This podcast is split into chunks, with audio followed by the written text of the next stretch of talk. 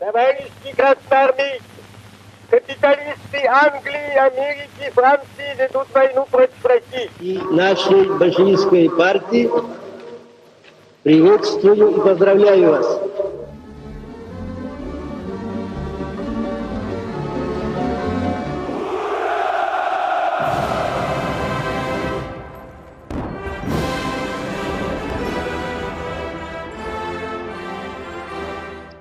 Rusya'dan Sevgilerle'nin 28. bölümüne hoş geldiniz. Her hafta olduğu gibi yine karşınızdayız. Bugün değerli bir konuğumuz var. Doçent Doktor Candan Badem bizlerle. Hoş geldiniz hocam. Hoş bulduk. Candan Hoca'nın geçtiğimiz haftalarda aslında daha önce baskısı olmuş olan Çarlık yönetiminde Kars Ardahan ve Artvin kitabının yeni baskısı çıktı Aras yayınlarından.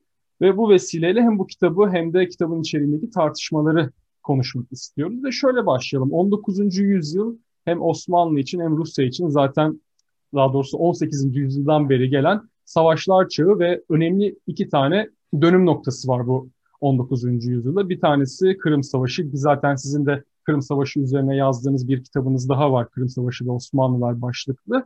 Aynı zamanda 93 Harbi olarak bildiğimiz 77-78 Osmanlı-Rus Savaşı ve buradan kaynaklı da hem Balkanlarda hem de Kafkasya'da büyük bir toprak değişimi gerçekleşiyor. Ve aslında 77-78'den sonra Kars'ın, Ardahan'ın ve çevresinin artık Rusya egemenliğine girmesiyle, bunun tescillenmesiyle nasıl bir dönem başladı? Evet, Kars e, sizin de e, dediğiniz gibi aslında birkaç kez Rusya'nın eline geçmişti. 1829'da geçti. E, Kırım Savaşı'nda geçti. Fakat bu önceki savaşlarda Rusya Kars'ı çok önemli görmediği için geri vermişti. 1878'de ise ilginç bir şey oluyor ve bu sefer e, Kars Rusya İmparatorluğu'na dahil ediliyor. Ee, yine Erzurum'a kadar gelmiş olan Rusya Erzurum'dan çekiliyor. Hatta daha sonra Beyazıt'ı da Berlin Kongresi'nde veriyor. Ama e, Batum ve Kars'ı daha doğrusu o zamanki Osmanlı sancakları olan Batum sancağı, Kars sancağı bir de Çıldır sancağı var ama bu savaştan sonra adı Ardahan sancağı olarak değişmiş. Aynı şey. E, bu üç sancağı e, elinde tutuyor. Şimdi ben kitabımda yazdım. Aslında Çarlık generallerinin e, veya Çarlık diplomatlarının bir kısmı Kars'ın stratejik bir önemi olmadığını, ekonomik değeri de olmadığını, dolayısıyla elde tutmaya gerek olmadığını söylüyorlar, çara öneriyorlar. Batum limanının stratejik önemi var, ekonomik değeri var. Orayı elimizde tutalım ama e, Kars'ı geri verelim diyorlar. Fakat nasıl oluyorsa yani bunun tam iç e, içeriden ne döndüğünü bilmiyoruz. Çar buna yanaşmıyor ve Kars'ı da elinde tutmayı yeğliyor. Burada e, tabii gelecekteki savaşlara yönelik bir ileri nokta tutma, sınırı daha da ileri götürme düşüncesi var bence. Nitekim Ruslar Osmanlı ile bir daha savaşacaklarını biliyorlar ve buna göre tedbirler alıyorlar. Osmanlı ise her savaşta e, yenilmesine rağmen bir sonraki savaş için tedbir almıyor. Siz de tabii bu coğrafyadan gelen bir isimsiniz. Karslı, Ardahanlı. E, biyografinizde de yazıyor köyünüzün ismine kadar. Evet. E, bu geniş hacimli kitapta ilk başlık e, aslında buradaki idari, örfi yapı. Anladığımız kadarıyla Ruslar burada Kars ve e, Batum Oblasti isimli iki farklı e, yerleşim birimi kuruyorlar. Tabii Osmanlı idari sisteminden örnek alarak. Aslında biraz da bu mülkiyet yapısıyla, idari yapıyla e, bize bu coğrafyada kurulan yeni yönetim birimlerini birazcık diyebilir misiniz, anlatabilir misiniz? Rusların Kars ve Batum'da kurdukları iki oblast Ruslar açısından yeni bir idari birim değil. Ondan önce de Rusların oblastları var. Rusya İmparatorluğu'nun içinde değişik idari birimler var. Mesela Polonya Krallığı var, Finlandiya Büyüklük Halığı var vesaire. E, Kafkasya ise e, Rusça'da Kray denilen bir diyar ve burayı da bir naip, çar naibi, namesnik denen birisi yönetiyor. Genelde çar ailesinden birisi. Ve bu Kafkasya Krayı içinde guberniya denen vilayetler bir de oblast denen vilayetler var. Oblastlar askeri valilerin yönettiği yeni fethedilmiş veya yeni işgal edilmiş e, ve Rusya'nın bütün yasalarının e, henüz uygulanmadığı, onun yerine daha özel yasaların uygulandığı idari birim e, vilayet demek, askeri bir vilayet demek. Bu Bernia ise daha sivil bir valinin yönettiği ve e, bütün Rusya yasalarının geçerli olduğu e, idari birim demek. Nitekim Kars ve Batum'da askeri bir yönetim var. E, Rusça'da askeri örfi idare diye çevirebileceğimiz bir ifade var. Bu yönetim tarzı ilk kez Rusya İmparatorluğu Kafkasları işgal ettiği zaman uygulanmış. Kafkasya Dağlı denen Kafkas halklarına karşı uygulanmış. Yani Çeçenler mesela Rusya'ya karşı uzun süre mücadele etmişler. Kuzey Kafkasya'da başlamış olan bu yöntemde yerli halk için ikili bir hukuk sistemi var. Bir yanda e, Rus yasaları var, bir yandan da mesela medeni hukuk alanında şeriata izin veriyorlar. Kadı mahkemelerine izin veriyorlar. Yerel adetler ki buna adat deniyor aynen aynı kelime rin uygulanmasına izin veriyorlar. Belli sınırlar dahilinde tabii ki. Yani belli davalarda mesela yerlerin kendi aralarındaki davalarda kendi adetlerine, kendi kadılarına, mahkemelerine başvurma hakkı veriyorlar. Buna benzer yerel adetlerle uzlaşma çabaları var. Tabii bunları yaparken aynı zamanda e, yerel feodallerle de uzlaşıyorlar. Yani Rusya İmparatorluğu'nun Osmanlı'dan daha iyi olduğu konulardan biri de e, bu ele geçirdiği yerlerdeki yerel feodal bey takımını, mütegalliga beyi kendi e, elitine entegre etmekteki başarısı. Peki burada farklı ıı, meşruiyet mekanizmaları neler? Siz işte yerel ilişkilerde oranın zengin toprak sahipleriyle ilişkiler kurduğundan bahsediyorsunuz. Kendi adetlerini yaşayabilmelerinden, mahkemede mesela kendi hukuklarını uygulayabilmelerinden. Peki başka kendisini meşru kılabilmek için neler yapıyor Çarlık yönetimi? Şimdi Çarlık'ın Müslüman halklara yönelik meşruiyet propagandasının önemli bir bileşeni bir kere her şeyden önce e, bakın bizim içimizde Müslümanlar var, örneğin Tatarlar var, yüzyıllardır yaşıyorlar ve bütün haklarına sahipler diyorlar.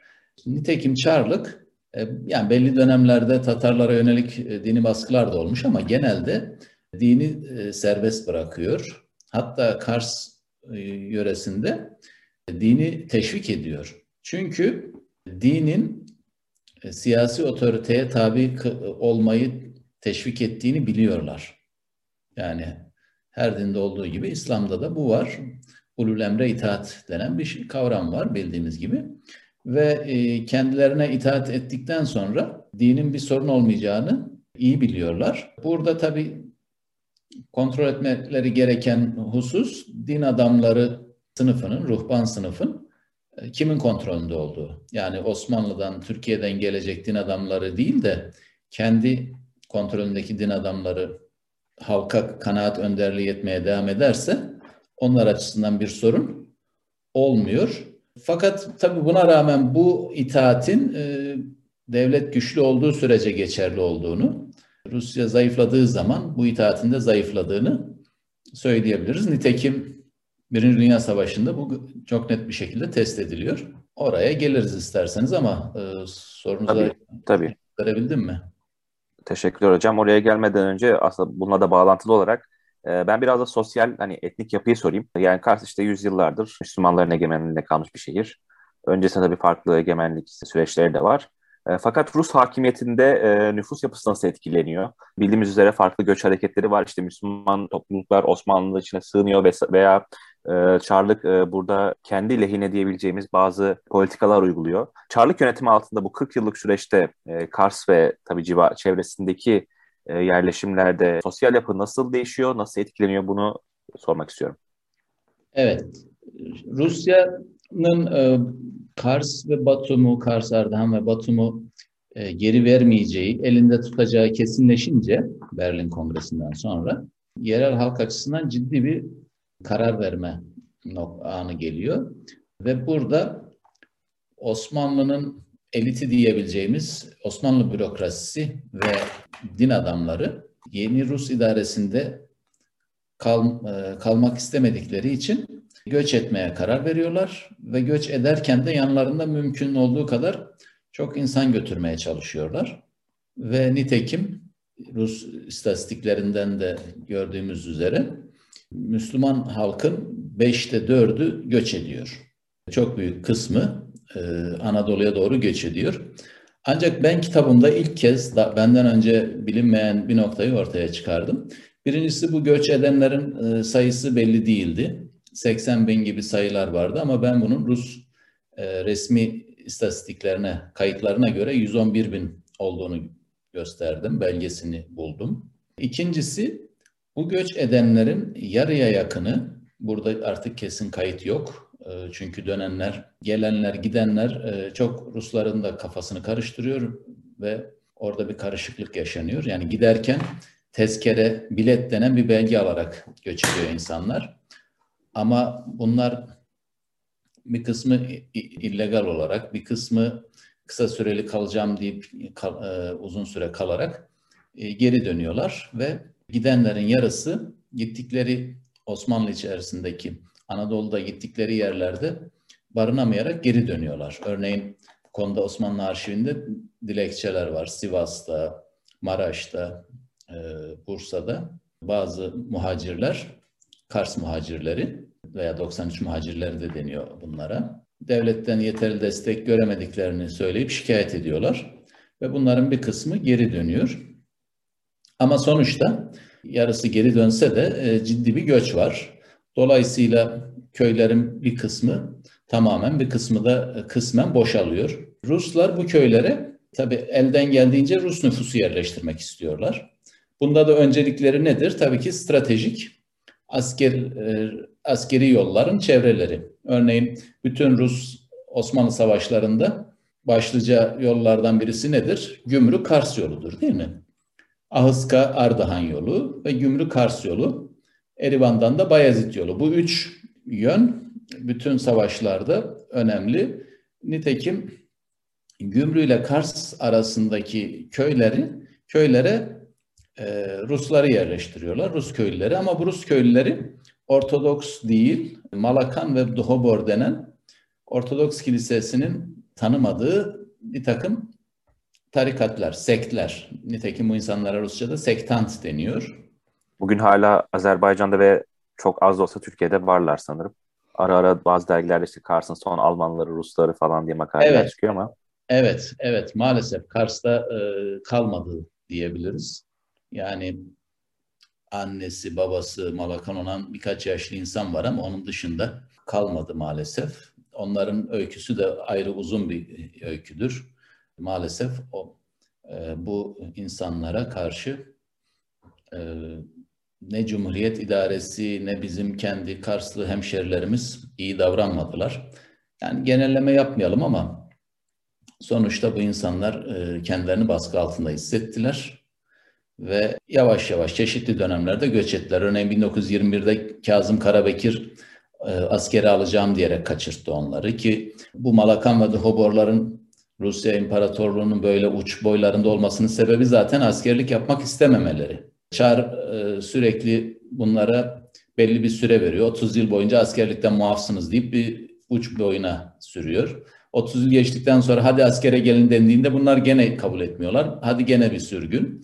Böyle sürgünlerle Kafkasya'ya kadar gelmiş bu insanlar.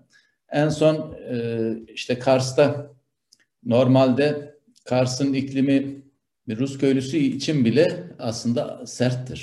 Dolayısıyla Kars iklimine her Rus köylüsü bile uyum sağlayamamıştır. Nitekim bazı Rus köylüleri gelip çalışamayıp geri dönmüşlerdir. Ama Molokanlar çalışkan insanlar, yaratıcı insanlar, Molokanlar ve Dohoborlar. Kars'a birçok yeniliği de getiriyorlar. Ee, birçok sanatı getiriyorlar. Yeni tipte atlar getiriyorlar. Peynir, e, kaşar, gravyer yapımını getiriyorlar vesaire. Yani bu en son peynir gravyer işinde İsviçreliler de var ama Malakanların da çabası var diyelim. Ee, dolayısıyla bu Malakanlar ve Duhoborlar Kars'a katkıları olmuş e, insanlar. E, keşke kalabilseydiler diyoruz. E, şimdi Rusların politikası tabii kendileri açısından olabildiğince Hristiyan bir nüfus elde etmek. Çünkü burası onlar için Serhat bölgesi ve Osmanlı ile yine savaşlara devam edeceklerini biliyorlar veya öyle düşünüyorlar. E, elden geldiğince kendileri açısından güvenilir bir nüfus yerleştirmek istiyorlar.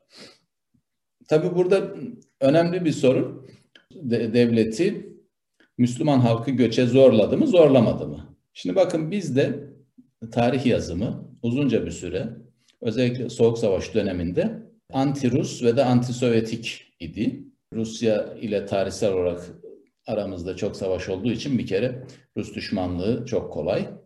E buna bir de anti-komünizm eklenince ortaya katmerli bir gerçek Rusofobi. Evet. evet. Yani öznellik ortaya çıkıyor. Yani Rusların yaptığı her şeyi ama her şeyi kötü gösteren bir tarihçilik var. Ee, Rus düşmanlığı gözünü kör etmiş bir tarihçilik var. Bunun da önde gelen ismi tanınmış bir tarihçi Fahrettin Kırzoğlu.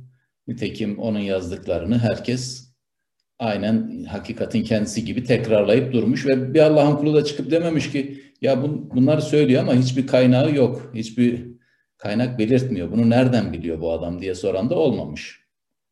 Nitekim Kırzoğlu'nun Ruslar aleyhine söylediği her iddia yanlış. Ben doğru olan bir iddiasını görmedim. Ve bunları kitabımda açık yazdım. Herkesi tek tek adını vererek eleştirdim. Şu ana kadar bana olgusal bazda yanıt verebilen kimse çıkmadı. Evet bu itirazlarınızı sosyal medyada rastlıyoruz. Evet sosyal medyada da yazıyorum. Ben sosyal medyayı da seviyorum. Akademik ortamda bilimsel dille yazıyorum. Sosyal medyada daha çok siyaset dili kullanıyorum ama orada da olabildiğince e, bilimsel olmaya çalışıyorum. Şimdi e, dolayısıyla Rusya aleyhinde bir tarih yazımı var bizde. Ben bunu e, değiştirmeye çalıştım.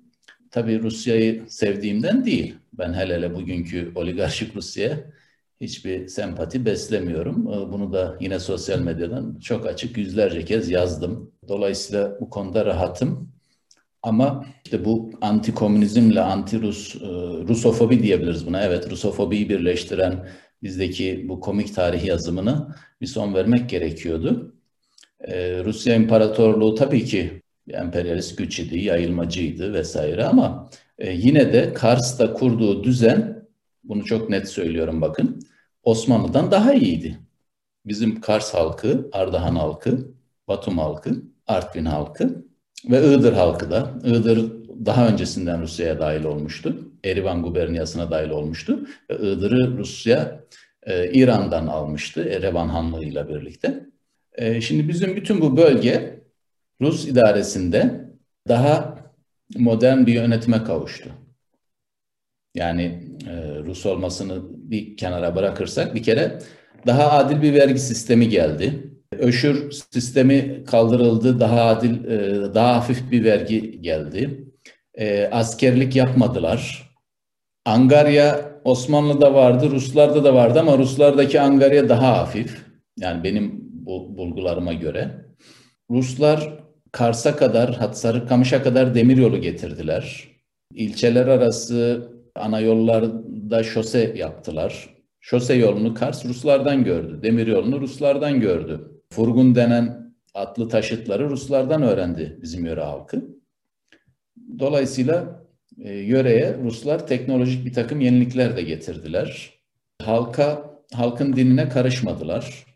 Aksine dini teşvik ettiler. Fakat şimdi bu dönemde Osmanlı bürokrasisi, hacı hocaları ve işte o zamanki Osmanlı okulları olan bir tane Rüşdiye Mektebi var mesela. Onun öğretmenleri kaçıp gitmiş olduğu için bu okullar devam edemedi.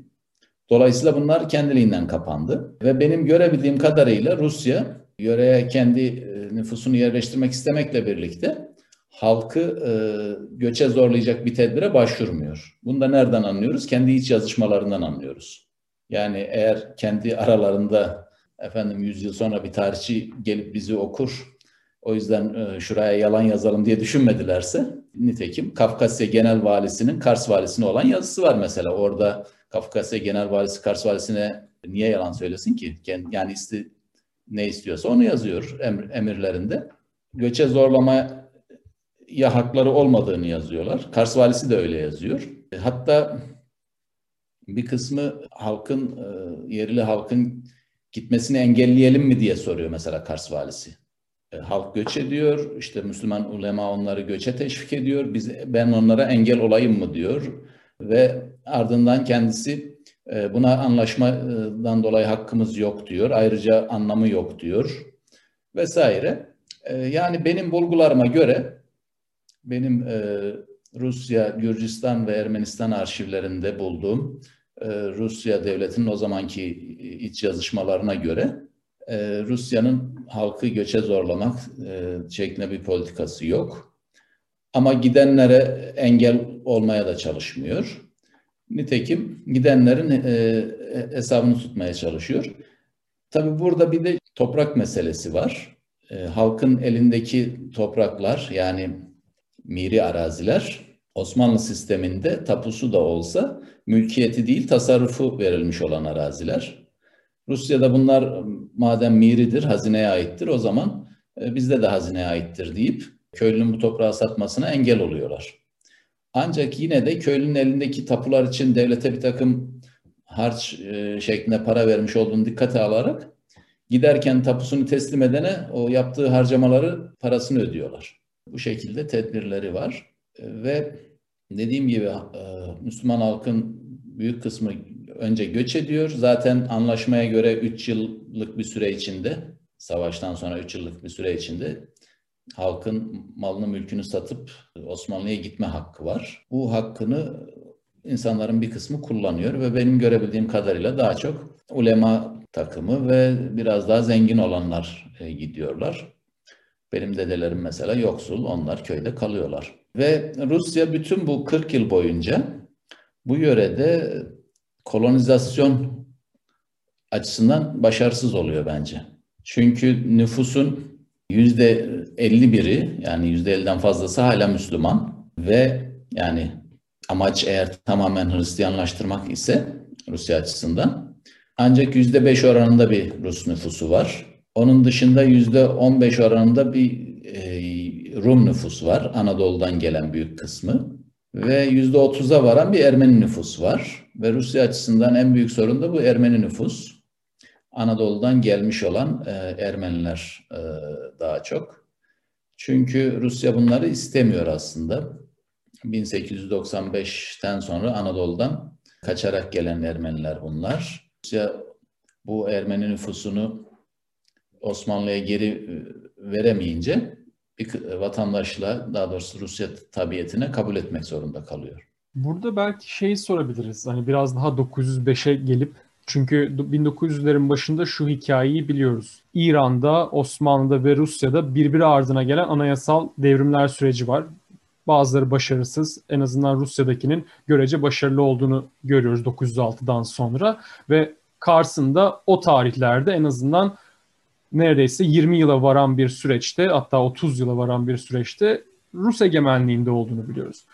Bu 905 sürecinde ve daha sonrasında 906'da Duma'ya gidecek süreçte Kars'ta ne gibi tartışmalar var? Çünkü bunun bölgeleri de etkileyeceğini, Erzurum'u, Artvin'i veya çeşitli diğer Osmanlı bölgelerini de etkileyeceğini biliyoruz. Hem içerideki tartışmalar Rus neşriyatı, oradaki basılanlar, Müslüman nüfusun bu tartışmalara katılması gibi olguları nasıl değerlendirirsiniz?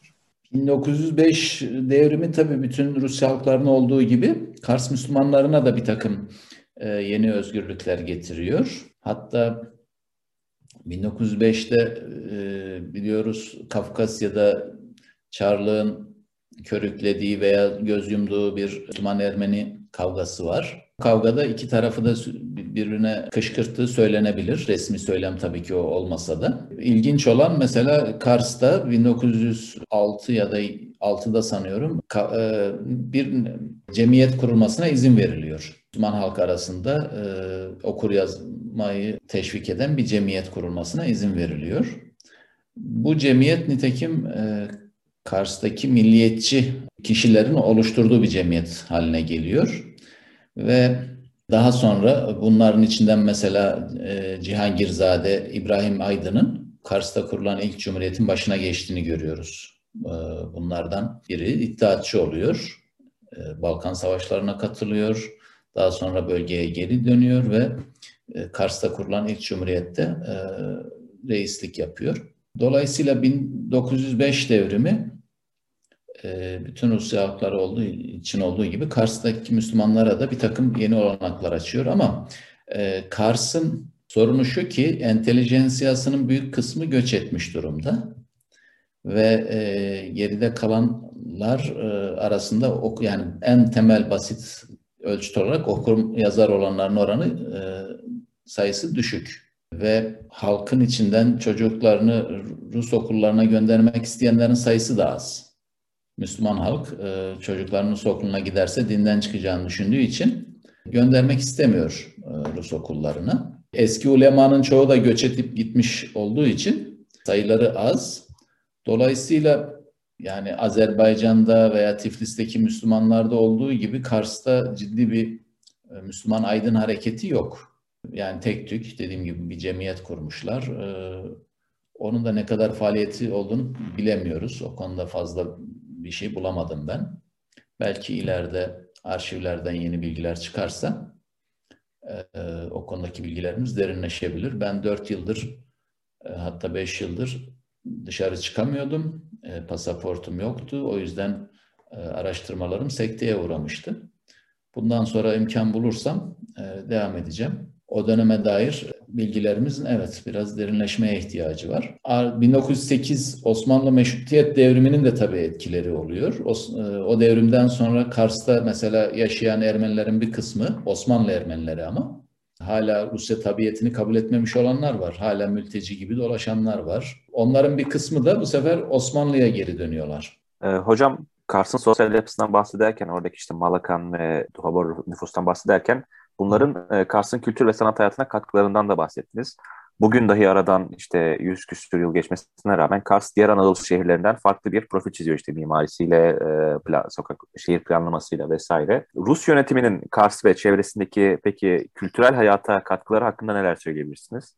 Evet, Rus yönetimi Kars'ta bir kere kozmopolit bir e, etnik yapı oluşmasına katkıda bulunuyor. Kars'ın merkezi, Kars şehrinde mesela e, Ermenilerin çoğunluğu var. Nüfusun çoğunluğu Ermeni. Bu Ermeniler açısından iyi bir şey olabilir ama Kars'ın geneli açısından baktığımızda Rusya hem e, Kur'an kurslarına izin veriyor hem de yeni okullar açıyor. Bu okullara Müslümanlar dediğim gibi çocuklarını pek göndermek istemese de tek tük örnekler var. Ve işin ilginci yörenin ilk milliyetçiler de gene bu okullardan mezun oluyorlar. Mesela Oltu'da e, Rus okuluna gitmiş olan Yasin Haşimoğlu var ilginç bir örnektir. Anlarını da yazmış. Kitabımda nitekim alıntılar yapıyorum. Yasin Haşimoğlu Rus okulunda okuyarak e, seküler bir milliyetçi haline gelmiş.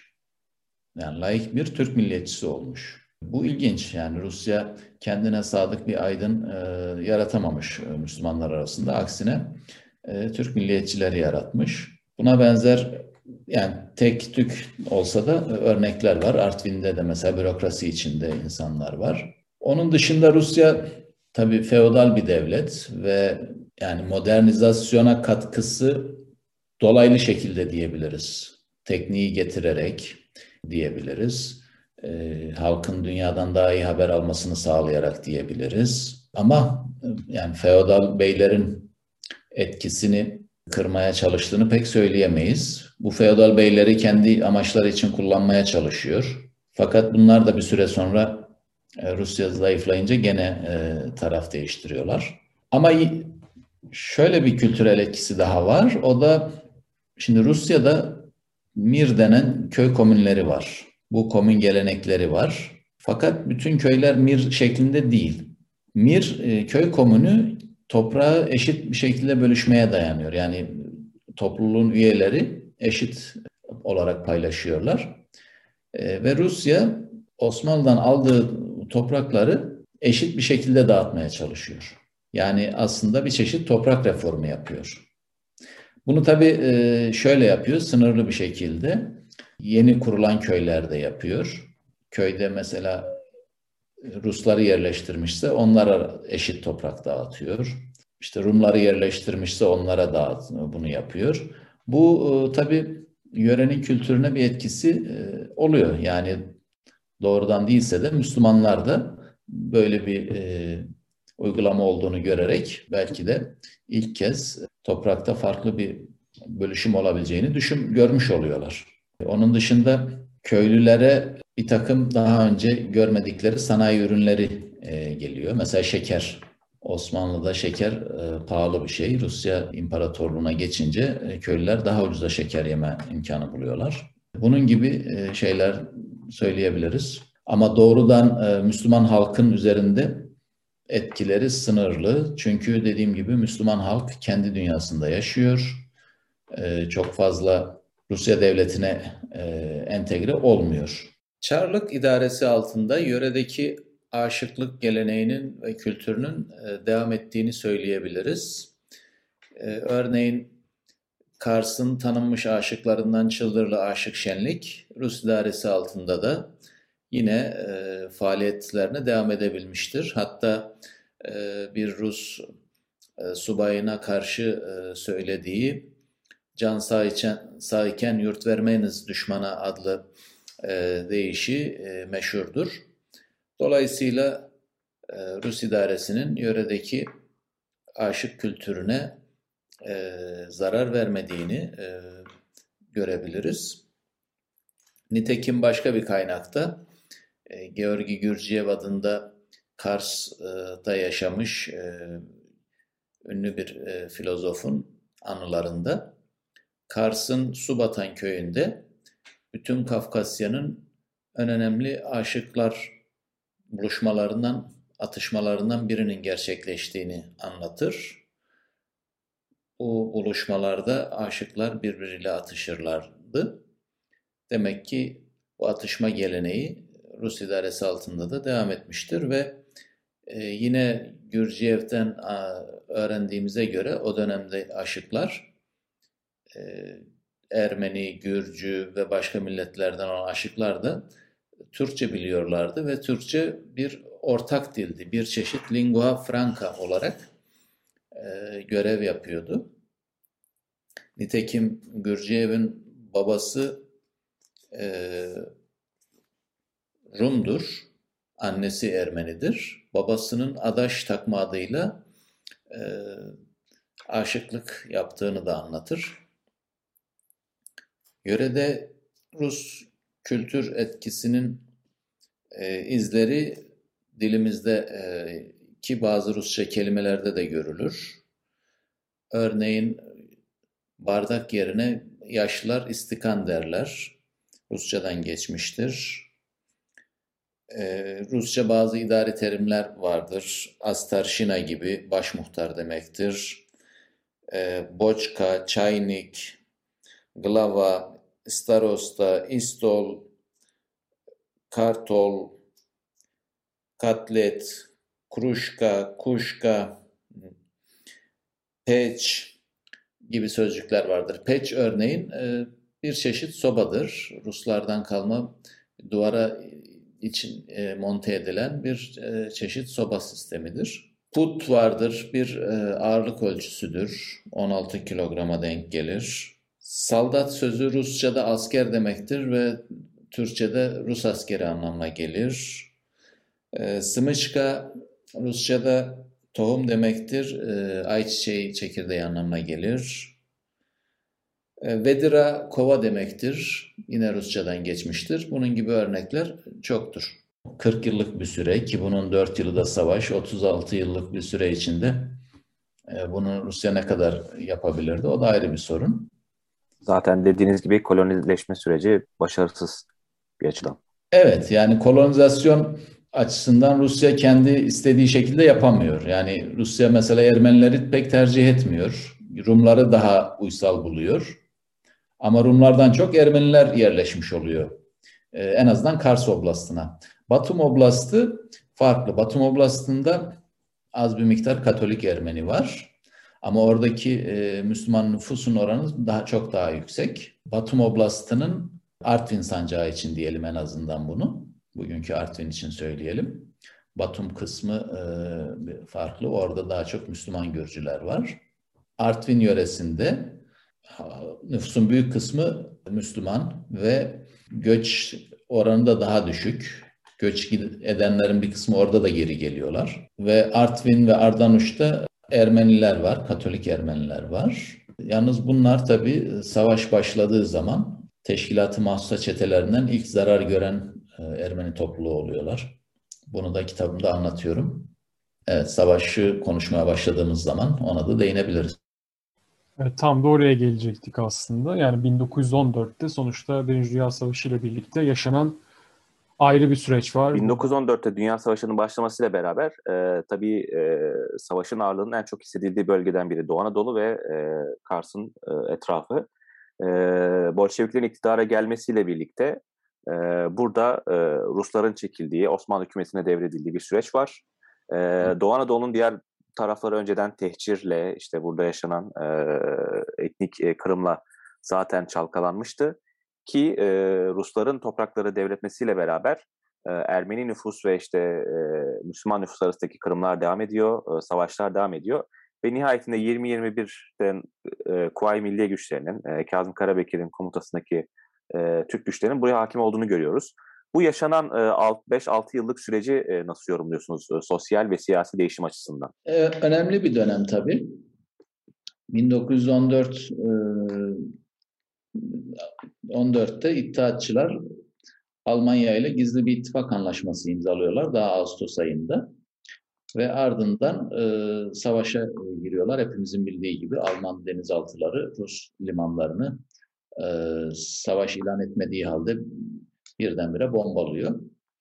Ve e, teşkilat mahsusanın özel olarak devşirdiği çeteler ve ayrıca e, bir Alman subayı olan e, Christian e, Stange'nin komutasındaki e, bir alay Ardahan'ı ele geçiriyor. Önce Artvin'i, ardından Ardanuç'u ve ardından da Ardahan'ı ele geçiriyor. Bu arada Sarıkamış, Oltu Sarıkamış yöresinde de bildiğimiz Sarıkamış muharebeleri oluyor. Burada Teşkilat-ı aslında e, epey başarılı bir çalışması var diyelim. Daha e, Balkan Savaşları sırasında 1912'lerden beri e, Teşkilat-ı bu yöreye bir takım casuslar gönderiyor ve yerel halk e, halktan e, birçok insanı örgütlemiş durumdalar. Öylesine ki e, bir takım erzak depoları bile hazırlanmış durumda. Yani Osmanlı ordusu ve işte bu gayri nizami birlikler geldiği zaman e, ne yapacağına dair e, ciddi hazırlıklar yapmışlar. E, köylerde e, önemli hazırlıklar var. Fakat bu savaş savaş maalesef bir kırıma da dönüşüyor. Teşkilat-ı Mahsusa'nın çeteleri Artvin'deki Ermeniler kaçtığı için onlara pek dokunamıyorlar ama Ardanuş'ta mesela katliam yapıyorlar. Ardanuş'un köylerinde katliam yapıyorlar. Ardahan'ın içinde katliam yapıyorlar. Ve bunlar şimdiye dek pek bilinmiyordu. Bunları da ilk yazanlardan biri benim. Ee, mesela Teşkilat-ı Mahsun'un meşhur fedaisi Yakup Cemil Ardahan'a ilk girenlerin içinde. Bunların yaptıkları ciddi zulümler var. Ki bunları yerel halktan da bilen insanlar e, uzun süre kimse kaydını tutmadı. Fakat e, en azından bir tanesinin anlattığı e, e, anlatımlar e, bana kadar ulaştı. E, şimdi Osmanlı arşivinde de bazı belgelerde nitekim bunların bir takım münasebetsizlikler yaptığı anlatılıyor. Tam münasebetsizlik sözü çok hafif bir söz. Gerçek anlamı anlamak için biraz da karşı e, kaynaklara bakmak lazım. E, ben Rus kaynaklarına da baktım. E, şimdi Rusya bu savaşta esas olarak yine yani bütün Osmanlı-Rus savaşlarında bir kere Ruslar açısından veya Osmanlı açısından esas cephe Balkanlardır. Avrupa tabii, tarafıdır. Tabii. Birinci Dünya Savaşı'nda Osmanlı için artık Balkanlar yok. Dolayısıyla Rusya ile Osmanlı arasındaki cephe artık Kafkasya ve Karadeniz'den ibaret. Dolayısıyla Osmanlı açısından aslında bu bir fırsat. Çünkü bütün e, gücünü artık Balkanlar olmadığına göre sadece Anadolu'da e, denizleri Alman iki tane büyük güçlü Alman gemisine e, vermiş durumda. Yavuz ve Midilli. E, karada ise tek bir Kafkasya cephesi var e, Osmanlı açısından. Tabii kendi müttefikleri olan e, Almanlara e, Galicia cephesinde destek vermesini saymazsak e, o da bir kolordudan ibaret. Yani dolayısıyla Osmanlı e, bu Rusya sınırında e, Kars Ardahan sınırında e, 3. Ordu ciddi bir e, yığılma yapmış durumda.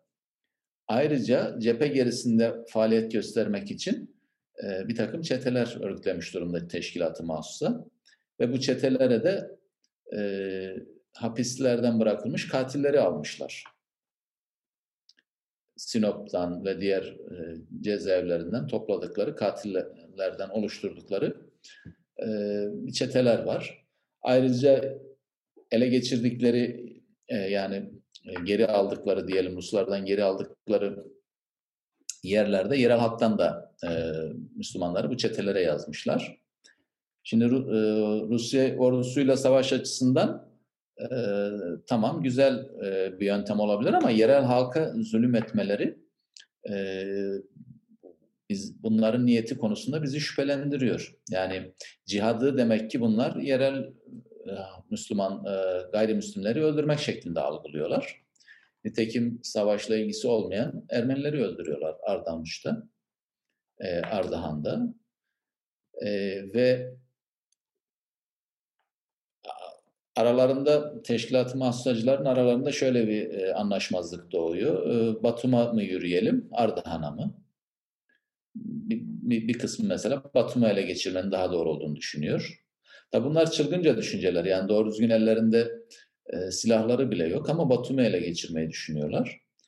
Bir kısmı Ardahan diyor. Nitekim Ardahan daha gerçekçi gibi görünüyor. Çünkü Ruslar burada e, ciddi birlikler bulundurmuyorlar. Yani çok büyük saldırı, buradan büyük bir saldırı beklemedikleri için e, Artvin'deki mesela Rus komutanı e, paniğe kapılıp kaçıyor ve o kaçınca da halk da paniğe kapılıyor. Bakın bir savaşta halkı yalnız bırakıp kaçmanın ne büyük sonuçları olabileceğinin e, güzel örneklerinden biridir bu. Yani güzel dediğim acı örneğidir tabii. E, çünkü herkes açısından yani hem Müslümanlar açısından hem de gayrimüslim e, sivil nüfus açısından e, otoritenin çekilmesi demek e, bir takım sivil çetelerin e, kendi hükmünü işletmesi anlamına geliyor. Ki bu da arada e, yani savaşla mavaşla ilgisi olmayan e, sivil insanların zarar görmesine yol açıyor.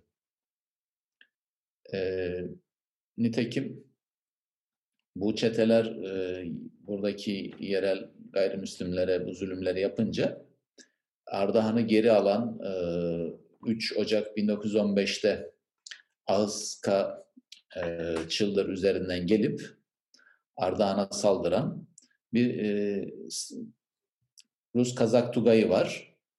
Ayrıca e, Oltu cephesinde e, gene e, 3. Ordu'ya karşı başarılı olmuş olan e, bir birlikler var. Onlar da e, Ardahan'a iki koldan saldırınca Ardahan'daki e, Türk alayı, Osmanlı alayı ve e, çeteler iki taraftan ateş altında kalıyorlar ve Ardahan'ı terk edip kaçıyorlar. Ve Rus Kazak askerleri de e, bunların e, yaptıkları zulümleri dinlemiş oldukları için bu sefer bunlar da zulüm yapıyorlar. Rus Kazak askerleri de e, geçtikleri yollarda önlerine çıkan Müslümanlara zulümler yapıyorlar. E, bunun belgelerini de buldum ben. Tekim kitabımda var. E, ilginç olan yanı bu belgeler Rus arşivlerinde hala duruyor. Yani orada Rus komutan mesela Müslüman halka yapılan bir takım zulümleri sayıyor ve kendi emrin altındaki bir askerlere bunlar tekrarlanırsa ceza göreceksiniz diyor. Yazılı bir emir var ve bu emir hala duruyor arşivde. İlginç. Yani Osmanlı'da böyle bir emir bulmak bence zor. Ayrıca yine savaş başladığı sırada Kars'ta yani Kars merkezde Müslüman halka e, saldıran bazı Ermeniler var. Bunlar da kendince intikam almaya çalışanlar. Çünkü bunlar Anadolu'dan kaçarak gelmiş olan Ermeniler. E, bunlara karşı da Erivan'daki bölge savcılığının açtığı dosyalar var. Bunlar da arşivde hale duruyor. Yani Rusya devletinde Osmanlı'ya göre daha e, hukuk devletine yakın bir durum var. Yani tam hukuk devleti diyemeyiz tabii de. E, orada en azından bazı e, savaş döneminde işlenen suçlara karşı savcının dosya açabilmiş olduğunu görüyoruz. Yani düşünebilir misiniz bir Osmanlı savcısı Van'da Osmanlı askerinin işlediği Osmanlı askerinin Ermenilere karşı işlediği suçlara dair savaş döneminde dava açabilmiş bir tane Osmanlı savcısı var mı? Ben ben hiç rastlamadım. Bilen varsa göstersin. Dolayısıyla e, Rusya devletinde biraz daha hukuk kavramının gelişmiş olduğunu görüyoruz. Ee, bu tabii her iki tarafında yani hukuka aykırı işler yapmadığı anlamına gelmiyor.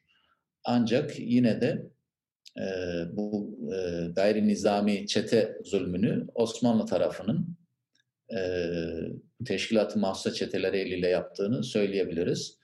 Bunun da yöre halkına yani yöredeki Müslüman halka diyelim yararı değil zararı oluyor.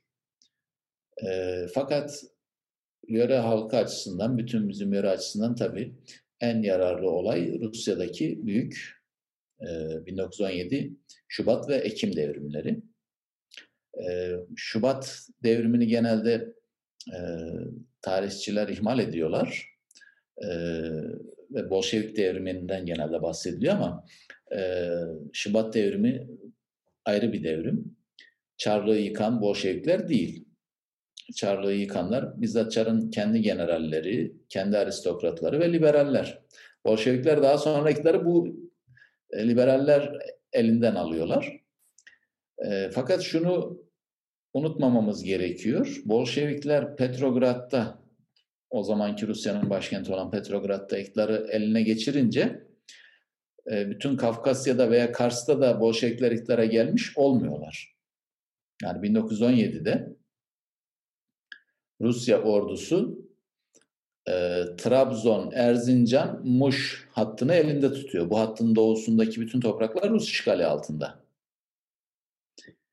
E, yani cephe artık Kars'tan çok daha içerilere doğru, Anadolu'nun içerilerine doğru ilerlemiş. Kars artık bir sınır şehri olmaktan çıkmış durumda. Ve e, Bolşeviklerden daha önce, daha Şubat devriminden itibaren Rus ordusunda bir çözülüş var. Firarlar başlıyor. Artık Rus askeri, yani Rus köylüsü, Rus muji dediğimiz bu askerler e, bu anlamsız savaşta daha fazla yer almak istemiyorlar. E, kendi memleketlerine dönüp bir an önce kendi memleketlerindeki toprak bölüşümünden pay almak istiyorlar. Çünkü Rusya'da köylüler e, topraklara el koymaya başlamışlar bir yandan. E, orduda Rus ordusunda disiplin kalmamış durumda. Askerler kendi komitelerini, sovyetlerini seçiyorlar ve subayların emirlerini dinlemiyorlar artık. Dolayısıyla genel bir e, çöküş var Rus ordusunda. Ve bu askerler geri çekildikçe Osmanlı adım adım onları takip ederek e, en son e, 1878 sınırına kadar geliyorlar. E, ve Bolşevik hükümetin katkısı nedir? Bolşevik hükümeti tabii hemen barış ilan ediyor. Ardından e, görüşmelere başlıyor. Brest-Litovsk barış görüşmelerine. Fakat bu noktada unutmamamız gereken önemli ayrıntı şu ki Kafkasya'daki Kafkas ordusu komutanlığı Bolşeviklere itaat etmiyor. Yani onlar kendi inisiyatifleriyle davranıyorlar ve Kafkasya'da e, Sovyet iktidarı kurulmuş değil. Kafkasya'da Bolşeviklerin e, Sovyet iktidarı kurabildiği tek bir şehir var o sırada. Bakü. Bakü'de e, o da hemen değil bir süre sonra e, Bakü'de e, bir e, Sovyet kurabiliyorlar. Onun dışında Kars'ta mesela e, Ermeni milliyetçileri Daşnaklar güçlü. Rusya tarafından ise e, eserler denen sosyalist revolüsyonerler güçlü. Menşevikler de güçlü. Yani Gürcistan'da Menşevikler güçlü. Dolayısıyla Bolşevikler e, bizim Kars çevresinde güçlü değiller. Rus e, eserleri yani küçük burjuva devrimcileri diyelim ve Ermeni milliyetçileri daha hakim. E, ve Bolşevik iktidarını tanımayan bir Kafkasya e, komitesi var. Geçici hükümetin, Şubat devriminin kurduğu hükümetin bir e, komitesi var. Bolşeviklerle bunlar arasında bir çatışma var. Ama Kafkasya ordusu e, sonuçta ateşkes imzalıyor. Osmanlı ordusuyla Erzincan'da ateşkes imzalanıyor ve ardından e, Rus ordusu çekildikçe Osmanlı ordusu onu takip ederek eski sınıra kadar geliyor. Ve ardından Mart 1918'de imzalanan Brest-Litovsk Antlaşması'yla Rusya tamamen e, 1878 öncesi sınıra dönmeyi kabul ediyor ve böylece e, bütün e, Batum, Kars, Ardahan yeniden Türkiye'ye katılıyor. Ancak Osmanlı ordusu Enver Paşa e, Brest-Litovsk Antlaşması'na uymuyor. E, Rusya kendi açısından ciddi taviz verdiği halde e, Osmanlı e, Bakü'ye kadar gitme hayalleri peşinde. Nitekim bir Kafkas İslam Ordusu diye bir ordu kuruyor Enver Paşa. Ee, başına da e, kardeşi Nuri Paşa'yı geçiriyor ve e, kardeşi miydi, amcası mıydı? Bunu bazen karıştırıyorum. Her neyse. E, ve Bakü'yü e, işgal ediyor Osmanlı ordusu. Tabi bu dönemde Bolşeviklerle e, Menşevikler ve öteki siyasi partiler arasında Kafkasya'da nüfuz mücadelesi var. Kimin kazanacağı henüz belli değil. Bu mücadele içinde zamanla e, yani Rusya'da çıkmış olan iç savaşta zamanla saflar netleşiyor ve e, konjonktürün etkisiyle Bolşevikler ile Kemalistlerin çıkarları e, yakınlaşıyor. Bunu bizim ulusalcı tarihçi yazıcıları e, idealize ederek anlatıyorlar. E, ben ise bunun e, yani Bolşeviklerin e, o zaman e, konjonktürün gereği ve mecbur kalarak e, Kemalistlerle işbirliğine gittiğini düşünüyorum. Tabii bir yandan da Müslüman halklara e, yönelik bir e, çaba var. E, Bolşevik devrimini Müslüman halklara yayabilmek için e, o zaman e, en büyük Müslüman devleti olan Osmanlı Devleti'nin e, içindeki e, Kemalistlerle e, hatta ittifakçılarla e, pardon ittihatçılarla e, bir e, uyuşma var. Hani siz de bahsettiniz bu 20'lerden sonra hem Cumhuriyet döneminde hem de daha öncesinde daha sonrasında günümüze geldiğimiz zaman da bu Kars'ta yaşayan bir takım topluluklara iyi davranılmadı. Sadece topluluklara, insanlara değil aynı zamanda mimariye de pek iyi davranılmadı diyebiliyoruz. Yani işte bir takım kiliselerin dönüştürülmesi, bazılarının yıkılması hikayeleri gibi Rus hatırası yani bu 40 yılın sonucunda bölgede günümüzde çok hissediliyor mu bilmiyorum ama neler bıraktı 17'den sonra Rusya Kars'ta? Evet.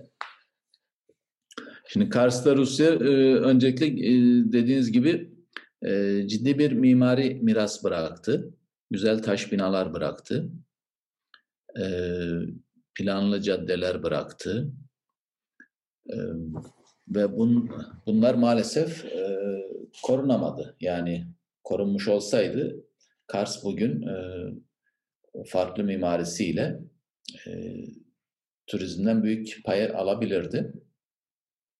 E, Rusya'nın bıraktığı Rus nüfus Malakanlar da e, çok fazla kalamadı. En son e, kalan birkaç köy nüfusu da 1960'larda Sovyetler Birliği'ne e, göç ettiler. Rusya'nın e, ve Bolşeviklerin etkisi e, yörede e, Müslüman halk üzerinde ne kadar oldu? Yani Kars ve Ardahan denince eskiden daha çok solculuk gelirdi akla. E, dolayısıyla bu Kars'ın ve Ardahan'ın solculuğunda ve Artvin'in solculuğunda diyelim ki e, Rusların ve Bolşeviklerin bir payı var mı diye sorabiliriz. Bu tabii tartışmaya açık bir konu ama bence e, çok yok. Çünkü e, Bolşeviklerin etkisi dediğim gibi e, bu Rus nüfus içinde var ve bunlar da çok değiller. Müslüman nüfus üzerinde bir etkileri olduğuna dair ben bir iz bulamadım. Ee, Ermeniler üzerinde de daha çok taşnakların etkisi var. Ee, hınçakların etkisi daha az. Taşnaklar da e, bildiğimiz gibi daha sonra kendileri Ermenistan'da bağımsız devlet ve hükümet kurdular ve bu hükümet İngiltere ve Fransa'ya yanaşmaya çalıştı. Bolşeviklere düşman oldular. Aynı anda hem Bolşeviklerle hem Kemalistlerle e, hem de Azerbaycan ile e, savaşmaya kalktılar. Dolayısıyla Taşnaklar e, Ermenilere ve bölgeye zarar verdiler. E, Kars'ta ise bütün bu savaş işte Ermenilerle e, savaş e, göre şehre bir miktar zarar vermiş olsa da e, aslında e, korunabilecek hala ciddi bir mimari miras vardı. Maalesef e, bunlar korunmadı. Mesela Kars'ın merkezinde Merkez Camisi vardır. Bu cami Rum Kilisesi'nin taşlarından yapılmıştır. Rum Kilisesi yıkılarak yerine cami yapılmıştır. Yani sanki başka cami e, yapacak yer yokmuş gibi Rum Kilisesi'ni camiye çevirmişlerdir. E, gene Ruslardan kalma kiliseler e, Alexander Nevski Kilisesi bir süre cami olmuştur. Bir süre hatta spor salonu olarak kullanılmıştır. Dolayısıyla bu mirasa e, pek iyi sahip çıktığımız söylenemez. En azından o mimari miras daha iyi korunsaydı tabii ki Kars açısından daha iyi olurdu. O halde çok teşekkür ederiz hocam davetimizi kırmadığınız için, programımıza geldiğiniz için. Ben teşekkür ederim. Rusya'dan Sevgilerle'nin 28. bölümünde böyle noktalıyoruz. Gelecek hafta tekrardan görüşeceğiz. Hoşçakalın diyoruz.